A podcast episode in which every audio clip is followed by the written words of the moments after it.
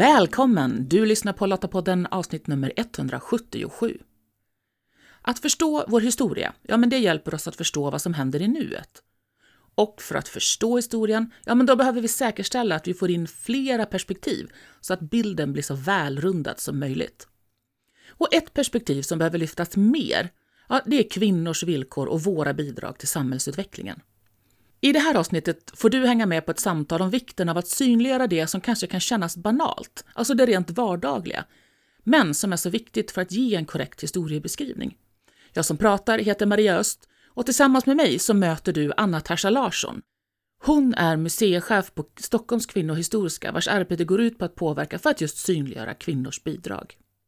Lottapodden den är producerad av Svenska Lottakåren och vi är en frivillig försvarsorganisation som engagerar och utbildar kvinnor som vill göra skillnad i vardag, kris och krig för att stärka samhällets beredskap och totalförsvaret. Så häng med in i samtalet med Anna så får du lära dig mer om vikten av att bredda perspektivet och inkludera kvinnors berättelser och hur du kan vara med och bidra till att skriva historia. Anna, välkommen till Lottapodden. Tack så jättemycket. Jag tänker vi ska ju prata om det fantastiska arbete som Stockholms kvinnohistoriska gör. Men börja med att introducera dig själv för lyssnarna. Eh, ja, jag heter Anna Tarsa Larsson och jag är museichef på Stockholms kvinnohistoriska. Eh, har med andra ord världens roligaste jobb. Eh, jag har jobbat här sedan 2018 när organisationen bildades. Och eh, först hade jag rollen som kommunikationsansvarig. Och de senaste två och ett halvt året så har jag varit museichef och hittills eh, aldrig eh, haft en eh, tråkig dag på jobbet. Ehm, och innan jag jobbade här har jag jobbat i ganska olika typer av eh, sektorer och roller, men jag har jobbat en del med, ehm, med, med flyktingar, byggt upp en organisation i Grekland, också jobbat med fotboll som programledare och reporter. Så ja, jag är väldigt driven av det jag tycker är absolut viktigast och mest intressant i stunden. Härligt. Ja, men man ska ha kul på jobbet. Man ska ha kul på jobbet, men det är också väldigt fint att få känna att eh, det man jobbar med är viktigt. Det håller jag med om. Eh, jag som jobbar i en, i en ideell organisation har full förståelse för det. Det är fantastiskt att gå till jobbet varje dag och känna att man gör skillnad. Men berätta då, vad är Stockholms kvinnohistoriska? Men Stockholms kvinnohistoriska är, kan man säga, ett nytt slags museum. Eh, jag har försökt hitta något liknande, men inte hitta något som jobbar riktigt på vårt sätt. Och jag tror att det bedrivs så himla mycket av ett, ett syfte. Vi är ett kvinnohistoriskt museum eh, som dels jobbar liksom med egen verksamhet, egna programtillfällen och utställningar och sådär. Eh, men vi jobbar nästan alltid i samarbete med andra. Och därför så är vi formade som en ideell förening. Så att vi, är, vår organisationsform är att vi är en ideell förening där medlemmarna är andra museer, arkiv, kulturaktörer, scener, typ eh, både centralmuseer som Statens historiska museer men också Eh, scener som Dramaten, Nattklubben Trädgården, men också mindre kulturaktörer med fria kulturaktörer. Eh, Sveriges hembygdsförbund är en medlem och så där. Så det är väldigt olika typer av medlemmar. Och de alla har gått med för att de eh, delar vårt syfte och de vill vara med och bidra till vår verksamhet.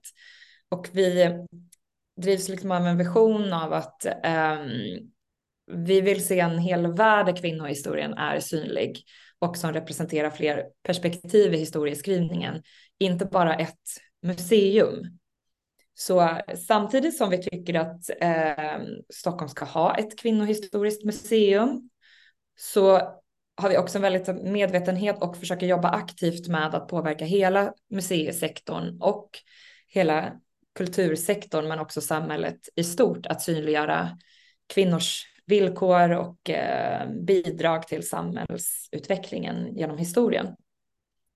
Så ja, vi både liksom har det här egna publika programmet och olika typer av projekt, men vi jobbar också ganska mycket kompetensutvecklande, deltar i olika nätverk, skapar egna nätverk som, som handlar mer om just eh, strukturförändring i sektorn, till exempel jobbar med det jämställdhetsglappet som finns i arkiv och i, i samlingar, i utställningar. Jobbar också ganska aktivt med eh, vad det finns för möjligheter att undervisa om kvinnohistoria i, i skolorna. Där är det ett jättestort glapp om man kollar i deras, i de historieböckerna som, som lärarna undervisar, undervisar utifrån. Så att det, det finns så himla mycket att göra så att därför måste vi arbeta tillsammans. Och du sa ju just det här då att, att just lyfta kvinnors historia utifrån då att männen har synts mer. Men eh, jag tänker liksom i ert syfte då och er verksamhet, alltså varför är det viktigt då? Att liksom in, inte skriva om historien, men, men liksom bredda perspektivet på vad som har hänt i historien kanske. Nej, men precis, det är just det att addera perspektiv, att addera berättelser. Det handlar ju sällan om att skriva om eller ta bort. Men vi tycker det är viktigt att, att skapa en rikare historieskrivning, för det är också en fråga om rättvisa och mänskliga rättigheter att bli synliggjord. Att det, allt det som kvinnor har varit med att eh, ja, men som kvinnor har arbetat för, engagerat sig, startat rörelser, påverkat sin egen situation men också hela samhället. Det förtjänar att synliggöras. Och att om man hela tiden, eh, det behöver inte vara att man aktivt gömmer undan, men att man inte lyfter fram de berättelserna, att man inte bevarar dem, att de är svårare att hitta, det skapar ett väldigt stort problem. Också för att unga idag påverkas ju av vilka vad som lyfts fram, eh, vad man lyfter fram för förebilder, påverkar ju också vilka möjligheter man tänker att man själv har, på vilket sätt man förväntas att bidra i samhället och vilken plats man förväntas ta, vilka röster som anses vara viktiga och sådär. Mm. Så det är liksom att, att förstå sin historia handlar jättemycket om ens egen identitet idag, men också om man tänker på till exempel alla rättigheter vi har idag, om vi glömmer bort vilken kamp det var för att få dem, då är det så lätt mm. att de också monteras ner. Så um, vi är kanske inte aktivister på barrikaderna, utan istället försöker vi ge hela tiden den historiska kontexten till, till det samhälle vi har idag. Sen får ju folk fatta sina egna beslut, men, men vi vill att alla ska vara mer medvetna om vår historia helt enkelt. Mm. Så vi försöker väldigt ofta koppla kvinnohistoria till aktuella saker som sker för att det verkligen ska kännas också angeläget för människor att ta till sig. Och som du sa så är ju inte ni något traditionellt museum med liksom en, en byggnad där ni har samlingar och utställningar.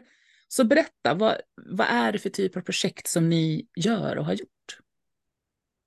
Ja, men precis så. Vi har inte egna fysiska samlingar, inte en egen fysisk museibyggnad. Eh, det tvingar oss också att hela tiden samarbeta med andra och att se till just det, vårt mål att kvinnosynen ska synas överallt. Eh, men vi har tre kan man säga arbetssätt. Dels att vi jobbar tillsammans, som jag har nämnt tidigare. Att vi arbetar i vardagen och det kan handla om både att synliggöra kvinnohistoria i vardagen. Eh, vi ställer ofta ut på torg eller eh, nu har vi ett samarbete med Region Värmland som är ganska intressant. Då jobbar vi tillsammans med biblioteken och arkiven där, men också med Värmlands trafik och visar upp kollektivtrafikens historia, hur det har ökat jämställdheten, att vi har fått kollektivtrafik, berättar vi om på bussen i Värmland. Mm. Just att verkligen syn, alltså att levandegöra historien i vår vardag.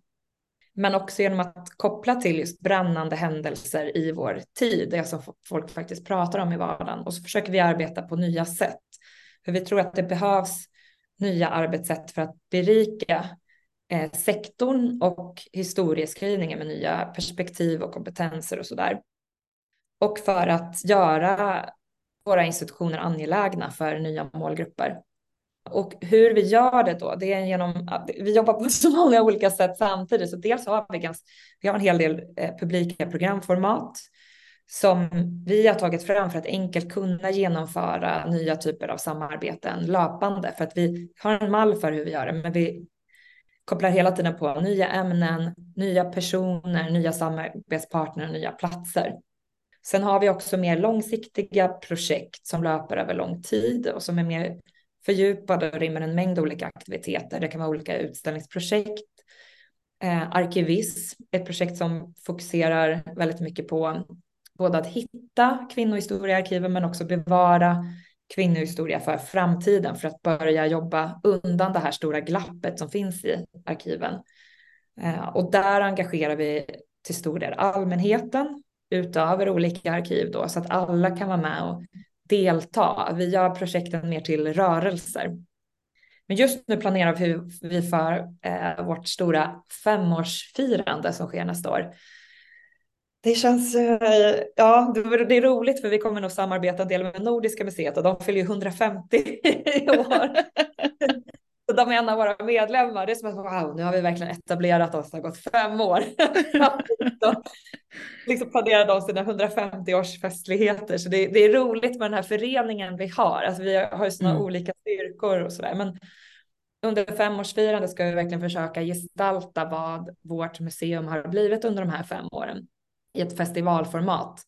Så vi kommer visa våra olika projekt, hur vi jobbar med samtidsdokumentation, hur vi jobbar med arkivutgrävningar, också de här mer, kanske mer lättsamma programformaten, ehm, de utställningssätten som vi jobbar på där vi kopplar kvinnohistoria till olika platser och teman och sådär. Så det blir ju verkligen ett tillfälle också för reflektion, att titta tillbaks på de senaste fem åren och blicka lite framåt både när det gäller vår verksamhet men också hur samhället ser ut och vilka mm. kvinnofrågor som har varit stora under den här tiden. Vad hade man för idé för fem år sedan? Alltså, allt går ju så snabbt nu. Mm. Sånt som var uppe på agendan då kanske känns jättedaterat nu. Eh, det ser jag verkligen fram emot för det blir, eh, det blir som ett nytt avstamp efter det tror jag, efter det här femårsfirandet. Ja, men det är ju viktigt att, att ha den där tillbakablicken på sin historia, oavsett om den är fem år eller 150 såklart. Eh, så att man kan ta med sig godbitarna och bygga på det. Men, men ja, jag tänker, ni, ni, heter ju Stockholms kvinnohistoriska, men nu nämnde ju du, ni har gjort ett projekt med Värmland, så jag tänker att namnet är ju inte någon geografisk avgränsning riktigt sådär, Nej, eller hur? Precis. Varken i var vi arbetar eller vilka teman vi lyfter. Så att, eh, det finns några olika anledningar att vi heter Stockholms kvinnohistoriska. En är att det fanns ju redan ett kvinnohistoriskt museum i Umeå när vi öppnade. Så vi var ju det andra museet, så vi behövde någon typ av eh, att, att skilja där. Okej, vi är ändå baserade i Stockholm eh, framför allt. Också för att Stockholms stad har varit vår största bidragsgivare eh, för att kunna finansiera uppstarten. Sen har vi vi behöver hitta så många andra intäktskällor som det bara går. De finansierar inte hela verksamheten, men de har varit verkligen bidragande till att vi existerar. Eh, så att Stockholm har ändå varit en viktig bas. Men eh, våra sätt att arbeta, både våra publika samarbetsformat och de här större strukturförändrande projekten de är ändå framtagna. De, alltså både innehållet brukar oftast vara relevant både nationellt och ibland internationellt. Och arbetssätten fungerar också. Att göra mycket digitalt eller vi har en utställning som heter 100 år genom 10 saker som är en vandringsutställning så den flyttar runt på bibliotek framför allt men också kulturhus och museer runt i hela landet.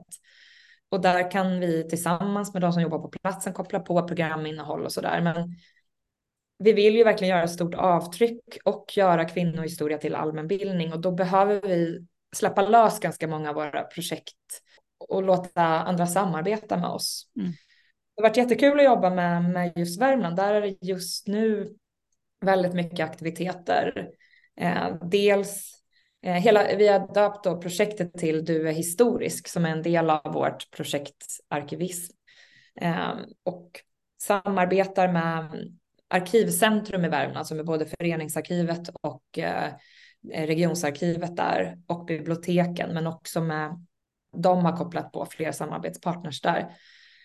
Så vi har ett konstnärsresidens på Arkivcentrum, en seminarieserie på biblioteken. Vi ställer ut på olika platser i Karlstad Annars sker aktiviteterna i Forshaga och Arvika och på fler platser. Men vi ställer ut i Karlstad ett projekt som heter Kvinnor i Karlstad och då berättar vi kvinnohistoria på olika platser. Eh, Stadshotellet, nattklubben Nöjesfabriken, på Lerinmuseet, där Sandgrund.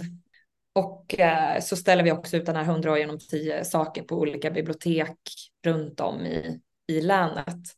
Så, så det, det är ju ett ganska bra, jag tycker det har varit väldigt intressant samarbete för just att jobba ihop med en region eller kommun. Plötsligt får man ju liksom andra eh, exponeringsytor också, just kan mm. använda bussar och sådär. Så att just det där hamna mitt i vardagen och göra kvinnohistoria synlig i vardagen känns jätteviktigt och som ett väldigt effektivt sätt att jobba. Vi samlar också in berättelser från boende i Värmland som de kan dels bidra till vår eh, digitala samling av föremål och det kan alla göra var man än bor, men vi fokuserar lite extra på Värmland just nu gör upprop där. Eh, där man kan lämna in sina egna berättelser kopplade till sina egna föremål. Man behöver inte lämna föremålet till ett museum utan det räcker med en bild, för berättelserna är ju det centrala för vårt museum. Mm. Eh, så vi samarbetar mer än gärna eh, med nationella partners, men också vi har en del internationella projekt också. Det hela brukar ofta bero på också vad det finns för finansiering, för att vi har inget grund, inget anslag. Vi är en ideell förening, alltså är vi en helt fri aktör. Och det har ju fördelar och nackdelar. Det största nackdelen kanske är att inte ha den trygga finansieringen. Mm. Så om vi får stöd från Stockholms stad ska det helst leda till då aktiviteter för stockholmarna. Men om mm. vi får ett stöd från Kulturrådet då kan vi jobba på andra platser och så där. Och, eh, allmänhetens bidrag är också jätteviktiga. Man kan gå med i vår medlemsklubb och så där och då blir det ju mer fria pengar som vi mm. satsar på lite på eh, projekt med större geografisk spridning. Men, men jag tänker just kvinnohistoria och eh, kanske kopplat till, jag tänker försvar och beredskap som ju är Lottakårens eh, liksom, fokusområden. Och så tänker man på det som händer nere i Ukraina. Har ni, har ni liksom tänkt eller funderat eller gjort någonting med koppling till eh, som kvinnorna i Ukraina eller liksom just eh, kvinnohistoriska i, i, i händelser som, som en krig eller konflikter? Ja, men vi har lyft eh, kvinnor och krig och konflikt lite som en del av eh, ehm, en del av andra stora programpunkter som vi har en hej då eh, programpunkt varje år där vi sammanfattar året och blickar framåt lite. Och då har ju det varit absolut liksom en av de största händelserna eh, inför förra året eh, mm. var krig och konflikt. Och det kommer det vara i år igen. Så det kommer dyka upp liksom i vår årssammanfattning. Så. Men en av de första sakerna som vi gjorde där efter den där fullskaliga invasionen var att vi kopplade ihop det med vårt, vår satsning arkivism. Och vi höll en, historie, en digital historielektion om arkivens makt just för att förklara varför också kulturarvet attackeras i krig och konflikt. Så då var det inte specifikt fokus på kvinnor faktiskt, utan snarare kulturarv. Och eh, varför eh, en angripande nation alltid vill utradera kulturarvet eftersom det bär på liksom den eh, hela kollektiva minnet av ett folk, av en nation, av en kultur och den som man vill då övervinna och kanske trycka undan helt. Så det har vi lyft koppling till Ukraina. Men vi kommer återkomma till kvinnor i krig och konflikt många gånger för att det finns ju så många olika finns ju så många olika områden att gå in på för att kvinnor har ju verkligen så specifika svårigheter både när de är på flykt, när de är i krig. Ehm, det finns egna utmaningar och det finns också väldigt mycket ehm, historia av att kvinnor organiserar sig både för fred men också att, eh, att hjälpa såklart. Ehm, ja, men Lottakåren mm. till exempel. Så här finns det ju väldigt många intressanta kvinnorörelser också att titta mm. på. Eh, jag tycker också det är ganska intressant att titta på kvinnors roll i konflikterna om man ser på mer kvinnors agens och hur det fungerar om man eh, inkluderar kvinnor i att för, i, både i att försöka hitta lösningar på konflikter men i fredsbevarande syfte och sådär. Så att det finns sån oändlig mängd perspektiv. Det är rätt tungt också för vi ser ju hur konflikterna snarare ökar världen över. Alltså vi får mer krig, mer konflikt, mer utsatthet. Så ja, ett ständigt aktuellt tema. Tyvärr. Hela museisektorn slöt ihop sig ganska snabbt och försökte hitta gemensamma sätt att stötta Ukraina just med att säk säkra kulturarvet. Och Sverige har varit väldigt aktiva där. Det har varit ganska intressant att följa också. Mm. Spännande, det finns otroligt mycket att göra och då tycker jag då är det ju otroligt viktigt att vi är här, att vi samlar in vår historia och inte glömmer bort delar utan att vi verkligen löpande eh, samlar in och har den på plats där. Så då tänker jag, för att runda av lite då, alltså vad, de som sitter och lyssnar nu och tänker här vill ju jag bidra, vad kan de göra då för att hjälpa till? Det finns eh, väldigt många sätt. Jag ska försöka att inte prata för länge då. Men till vår verksamhet kan man ju bidra genom att gå med i vår sån klubb, sällskapet eller handla från oss. Eller vi tar gärna emot donationer och sådär. Eh, men sen kan man också bidra till historieskrivningen genom att sortera och dokumentera sitt eget liv och sina gärningar och de rörelserna man har varit delaktig i. Eh, så jag kan tänka mig att det är väldigt många som har flera engagemang som lyssnar. Och det här, alltså snälla försök komma ihåg att det, det som ni har varit med och arbetat för och skapat där historiskt. Det kommer vara jätteintressant för framtida forskare att försöka förstå varför gjorde ni på det här sättet? Vilka var ni? Eh, vad var vad, vad syftet? Eh, eh, blev det någon typ av förändring? Eh, att, att försöka spara det och sortera.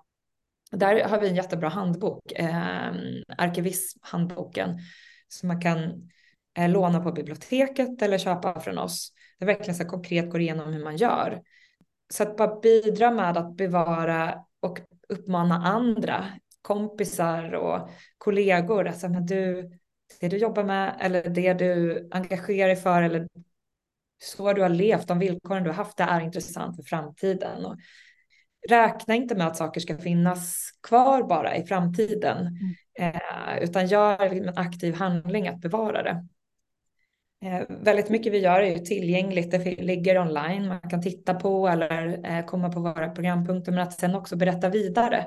Att försöka hjälpa till med att just göra kvinnohistoria till allmänbildning. Att eh, vara ambassadörer för det man lär sig. Ehm, och eh, vi försöker sprida också en hel del eh, kunskap i våra sociala medier och så. Man kan tipsa andra eller följa oss.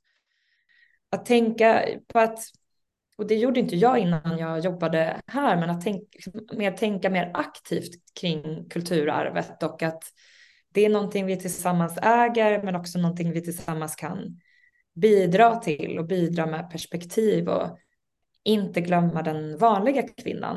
Mm. Att inte glömma de berättelserna som kanske känns väldigt vardagliga men det är ibland det som är allra mest intressant i framtiden. Så det är väl lite ett tips. Vi gillar ju när man kan gå ifrån tanke till handling och göra någonting aktivt och vara med och bidra. Så super, nu har lyssnarna flera exempel på vad de kan göra. Men Anna, tack så jättemycket för att vi fick lära oss mer om Stockholms kvinnohistoriska. Ja, men tack så jättemycket för att jag fick vara med och eh, jag eh, är väldigt glad att eh, finns och finns kvar och känns väldigt livskraftiga. Det jag tar med mig från samtalet med Anna, det är vikten av att vi hjälps åt att dokumentera vår historia så att framtida generationer kan förstå vad det var som hände att det är viktigt att vi synliggör det som händer ur så många perspektiv vi bara kan. Så passa på att lära dig mer om din historia genom att prata med kvinnorna i din familj. Och glöm inte att skriva ner deras historia. Och självklart din egen. Och jag är såklart stolt över att vara medlem i en organisation som bidragit till att ge kvinnor plats i försvaret av vårt land. Nästa år så firar Svenska Lottakåren 100 år. Och självklart kommer vi då att lyfta fram de bidrag vi gjort till samhällsutvecklingen men vi kommer också lyfta vår nutidshistoria, det vi bidrar med idag, för att till exempel återuppbygga totalförsvaret och stärka samhället, även i vardag och kris. Lästips relaterat till det vi samtalat om i det här avsnittet det hittar du på lottapodden.se. Och om du, precis som Svenska Lottakåren, tycker att fred, demokrati och mänskliga rättigheter är värda att försvara och du vill vara med och göra skillnad för vårt samhälles beredskap och totalförsvar, ja, men då ska du gå till svenskalottakåren.se. Där hittar du information om hur just du kan göra skillnad. Nästa avsnitt av Lottapodden det kan du lyssna på den 23 november. Så om du inte redan gör det, klicka på prenumerera-knappen i din poddapp. Då får du nästa avsnitt direkt i din poddapp så fort det släpps och du riskerar inte att missa något avsnitt. Dela gärna avsnittet med andra i din närhet som skulle gilla det vi pratat om i det här avsnittet. Ett annat sätt att hjälpa fler att hitta Lottapodden är att lämna en recension i din poddapp. Och tack för att du lyssnar. Hej så länge!